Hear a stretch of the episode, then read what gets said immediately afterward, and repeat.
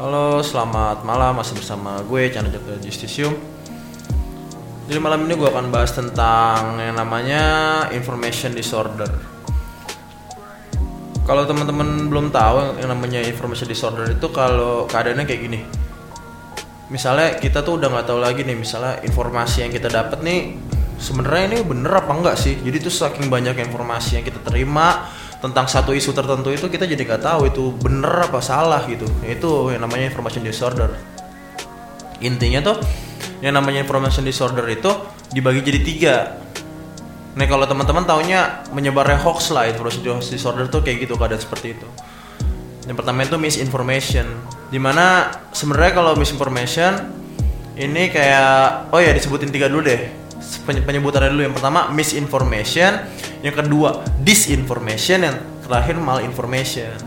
Nah kalau misinformation itu adalah kayak misalnya ada informasi nih informasinya itu salah upload atau gimana gitu. Misalnya salah translasi atau salah caption salah tanggal. Jadi itu menyebabkan informasi yang diterima oleh eh, kita sebagai masyarakat yang menerima informasi itu tuh jadi salah gitu nggak sesuai maksud yang dikirimkan itu namanya misinformasi ini biasanya tidak sengaja dan emang nggak niat buat jahat gitu Nah itu misinformasi. Nah yang kedua disinformasi nih. Nah kalau disinformasi itu dia bener-bener dibuat, emang dimanipulasi, entah itu bentuk audio atau visual, emang dibikin buat bikin sebuah rumor-rumor tertentu dan teori-teori konspirasi tertentu yang ingin menjatuhkan salah satu atau banyak pihak.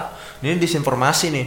Nah kalau misalnya kita dengerin ya misalnya kayak ada hoax yang kita denger itu yang dibuat kok ini bener-bener enggak kok kayak palsu banget. Nah itu namanya disinformasi. Itu ditujuannya itu untuk bikin kita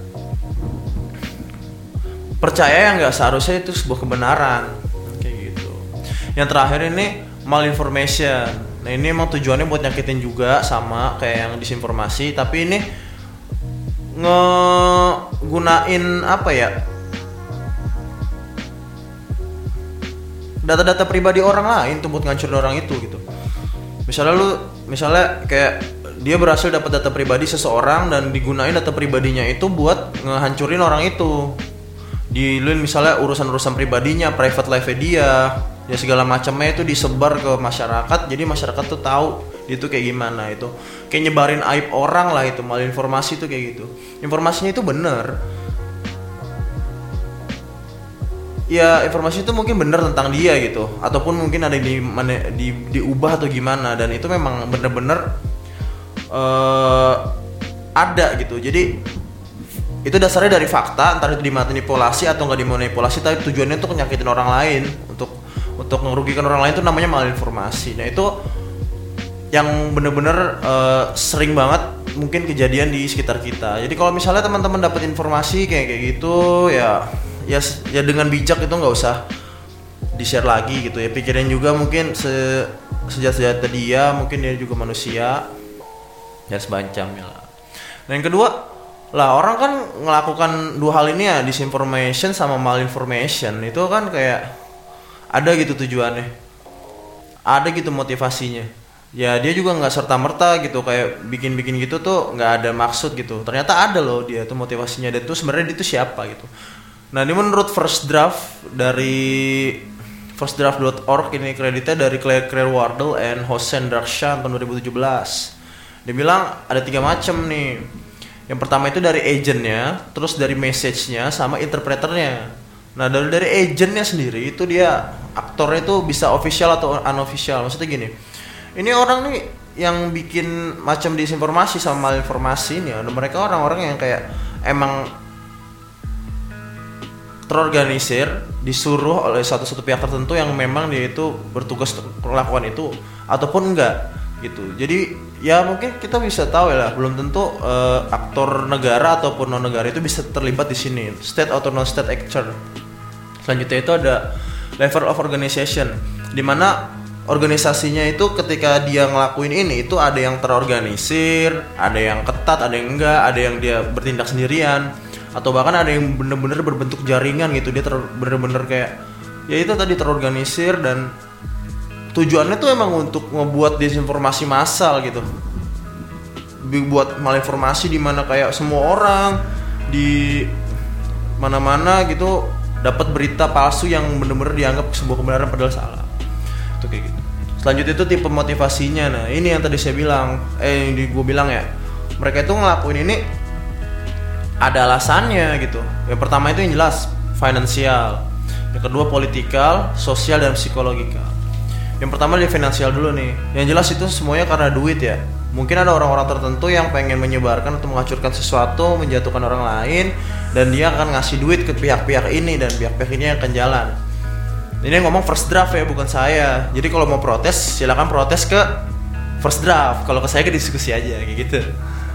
Nah selanjutnya itu politikal. Nah kalau politikal ini ya urusannya sama politik lah ya kita nggak perlu jauh-jauh ngomong ke sana mungkin teman-teman udah pada tahu semua gitu. Lanjut aja langsung ke sosial.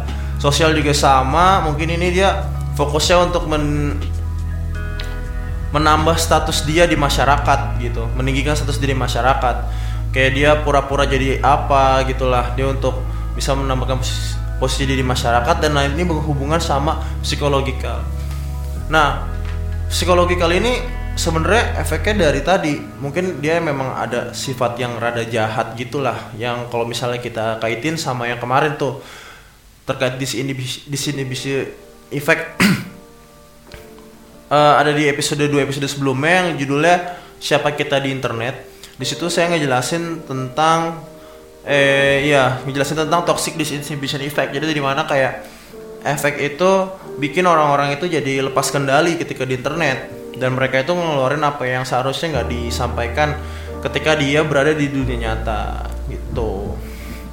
Itu dari motivasi psikologikal ya makanya kadang-kadang kita ngelihat ini orang nggak ada afiliasi sama apa-apa tapi ternyata nih orang ngetrol mulu gitu kan ya. Ngata-ngatain orang nge-hate gitu. Hate spin hate speech. Bahkan ke sesuatu yang sebenarnya nggak layak buat digituin gitu kan. Selanjutnya level pengendaliannya nih. Jadi kalau misalnya teman-teman tahu ternyata ada yang bener-bener itu aktor itu orang human ataupun bot gitu. Jadi kalau human ini dia beneran orang. Dia menggunakan yang namanya shock puppet. Shock puppet itu jadi kayak lu pada tahu ini gak sih boneka yang di kaos kaki yang kita ngomong-ngomongin? Ya kalau kaos kaki dijadiin mulut gitu ngomong terus dikasih mata itu namanya shock puppet kan. Ya anggap aja ada orang jadi orang lain di media sosial. Dan dia bentuknya misalnya anonimus atau bahkan menggunakan identitas orang lain ya kayak gitu. Dia aktif seolah-olah dia itu orang beneran gitu padahal belum tentu. Nah ini dia bentuknya kayak gitu. Ketika dia nyebar disinformasi ya seolah-olah dia bener-beneran orang. Orang-orang yang ada di dunia gitu padahal kagak. Selanjutnya yang buat nih. Kalau yang buat ini dia emang biasanya beroperasi dengan jumlah banyak gitu di program gitu kan sama orang-orang yang tadi udah terorganisir, udah terjaringan kayak gitu. Jadi mereka mudah aja gitu kan kayak menggiring opini seolah-olah mereka ada banyak padahal itu semua buat. Selanjutnya itu ada yang namanya internet audience. Jadi audience yang memang pengen melakukan penyebaran itu eh yang dijadiin targetnya itu adalah anggotanya sendiri gitu anggotanya sendiri dari mereka gitu. Jadi mungkin ada anggota dari komunitas tertentu itu dia nggak sadar kalau dia itu udah masuk ke dalam uh, sebuah kelompok yang seperti ini. Jadi mereka nggak sadar, kalau lagi dimanfaatin. Yang kedua itu sosial grup grup-grup sosial. Jadi kayak misalnya grup WA atau grup grup tertentu yang memang dia itu di media sosial itu dijadiin target dari uh, misinformasi eh dari disinformasi sama malinformasi ini. Selanjutnya itu keseluruhan society di mana ketika dia udah bisa membuat kebohongan itu melebar ke mana-mana dan itu jadi efek yang luas ya udah jadi semua orang tuh menganggap itu kayaknya bener padahal belum tentu dan mungkin nggak bener emang tujuannya itu kayak gitu. Yang jelas tujuannya itu untuk menyakiti ya karena kalau misalnya itu disinformasi sama uh, malinformasi ya jelas itu tujuannya untuk nyakiti orang. Atau enggak untuk membohongi orang pokoknya bikin mislead atau harm lah intinya kayak gitu.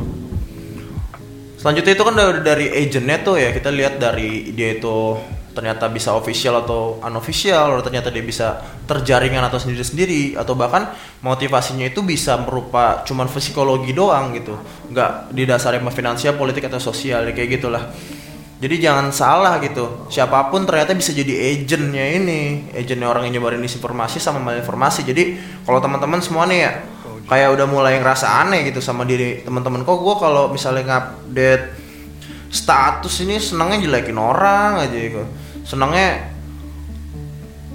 apa ya? Ngebohong lah gitu kan ya di medsos gitu kan. Apalagi sampai pakai akun lain gitu. Mungkin teman-teman perlu cek kesehatan mental karena itu yang namanya teman-teman udah mulai kena toxic disinhibition effect.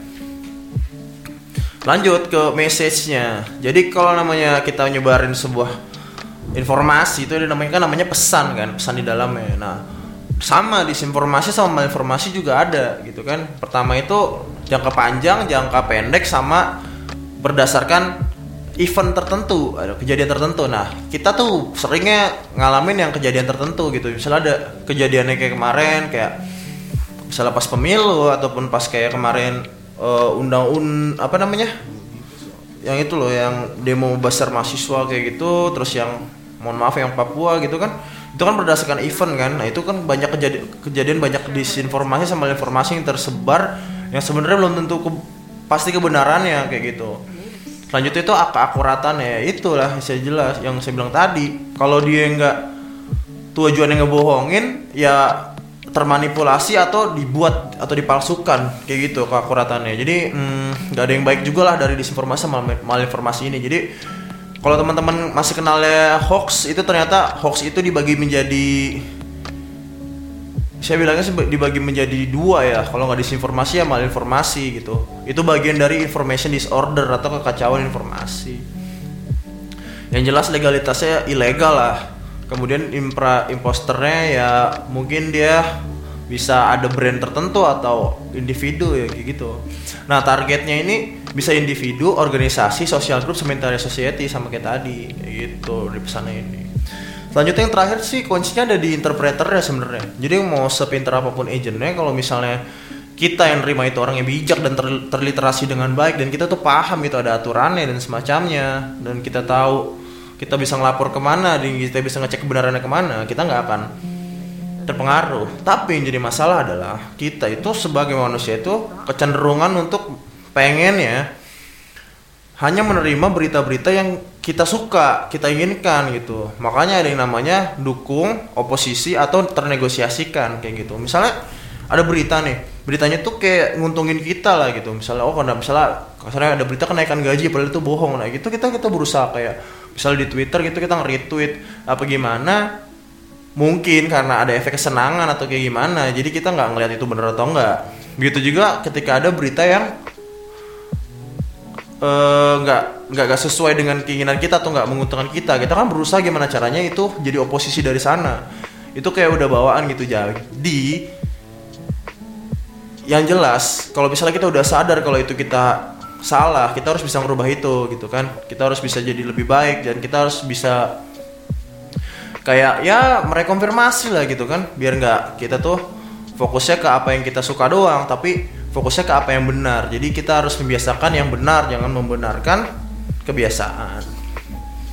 Selanjutnya yang kita ambil nih setelah kita tahu itu adalah sebuah disinformasi yang pertama kita diemin misalnya. Atau kita malah share untuk dukung atau share ketika kita tidak suka itu. Yang jelas sih kalau namanya disinformasi sama mis apa ya disinformasi sama malinformasi itu ya kalau misalnya kita males banget untuk ngasih tahu itu adalah sebuah berita palsu dan kita males banget konfirmasi ya udah mendingan didiamin aja gitu. Jangan sekali-kali pokoknya kita nerima berita itu langsung kita terima gitu aja untuk zaman sekarang ini karena penuh dengan banyak yang dimodifikasi dan dimanipulasi gitu. Jadi kalau misalnya ya mungkin ada kalimat yang dibilang bijak bermedia sosial itu bukan hanya ketika kita nge-generate konten sekarang. Tapi juga ketika kita baca konten-konten karena kita harus tahu gitu yang namanya media sosial itu adalah user generated konten isinya. Jadi konten-konten yang di media sosial itu isinya ya konten-konten yang di generate sama user-usernya doang. Jarang gitu dari officialnya dia nge, nge ngerilis konten kecuali fitur-fitur sama update dari uh, si platformnya itu. Kayak gitu. Aja sih untuk malam ini kayaknya penjelasannya tentang tipe-tipe information disorder sama kayak ini ya kayak elemennya tadi. Tipenya itu ada tiga misinformation, disinformation sama malinformation tapi yang bener-bener jahat itu ada disinformation dan malinformation. Kemudian elemennya itu ada agent, message dan interpreter. Jadi buat kita semua mari kita bijak bermedia sosial selain kita bijak mengenerate konten kita juga bijak baca konten dan bisa untuk uh, rajin untuk fact checking kemudian untuk masukan untuk mungkin pemerintah dan pihak-pihak berwenang, mari kita sama-sama saling berkolaborasi. Entah itu kita pihak pemerintah ataupun jurnalis, itu kita saling berkolaborasi, saling menginformasikan bahwa apabila ada berita-berita khusus, mari kita saling menginformasikan sehingga disinformasi itu atau malinformasi itu tidak terjadi. Terutama kita perlu banget namanya portal fact checking nih. Di mana itu jadi portal masyarakat untuk tahu sebuah isu itu sebenarnya bener apa enggak kayak gitu itu nggak akan bisa terwujud apabila tidak ada kolaborasi dari semua pihak. Oh ya jangan lupa juga di follow partner kita Profesor Par Parno di Instagram. Balik lagi ya Profesor Parno di Instagram untuk tahu informasi-informasi tentang cyber security yang paling update. Di sana kita nanti bakal tahu informasi yang mulai dari trivial sampai yang sangat penting banget yang perlu kita tahu. Gitu aja, terima kasih sudah mendengarkan. Sampai jumpa di segmen selanjutnya. Bye bye.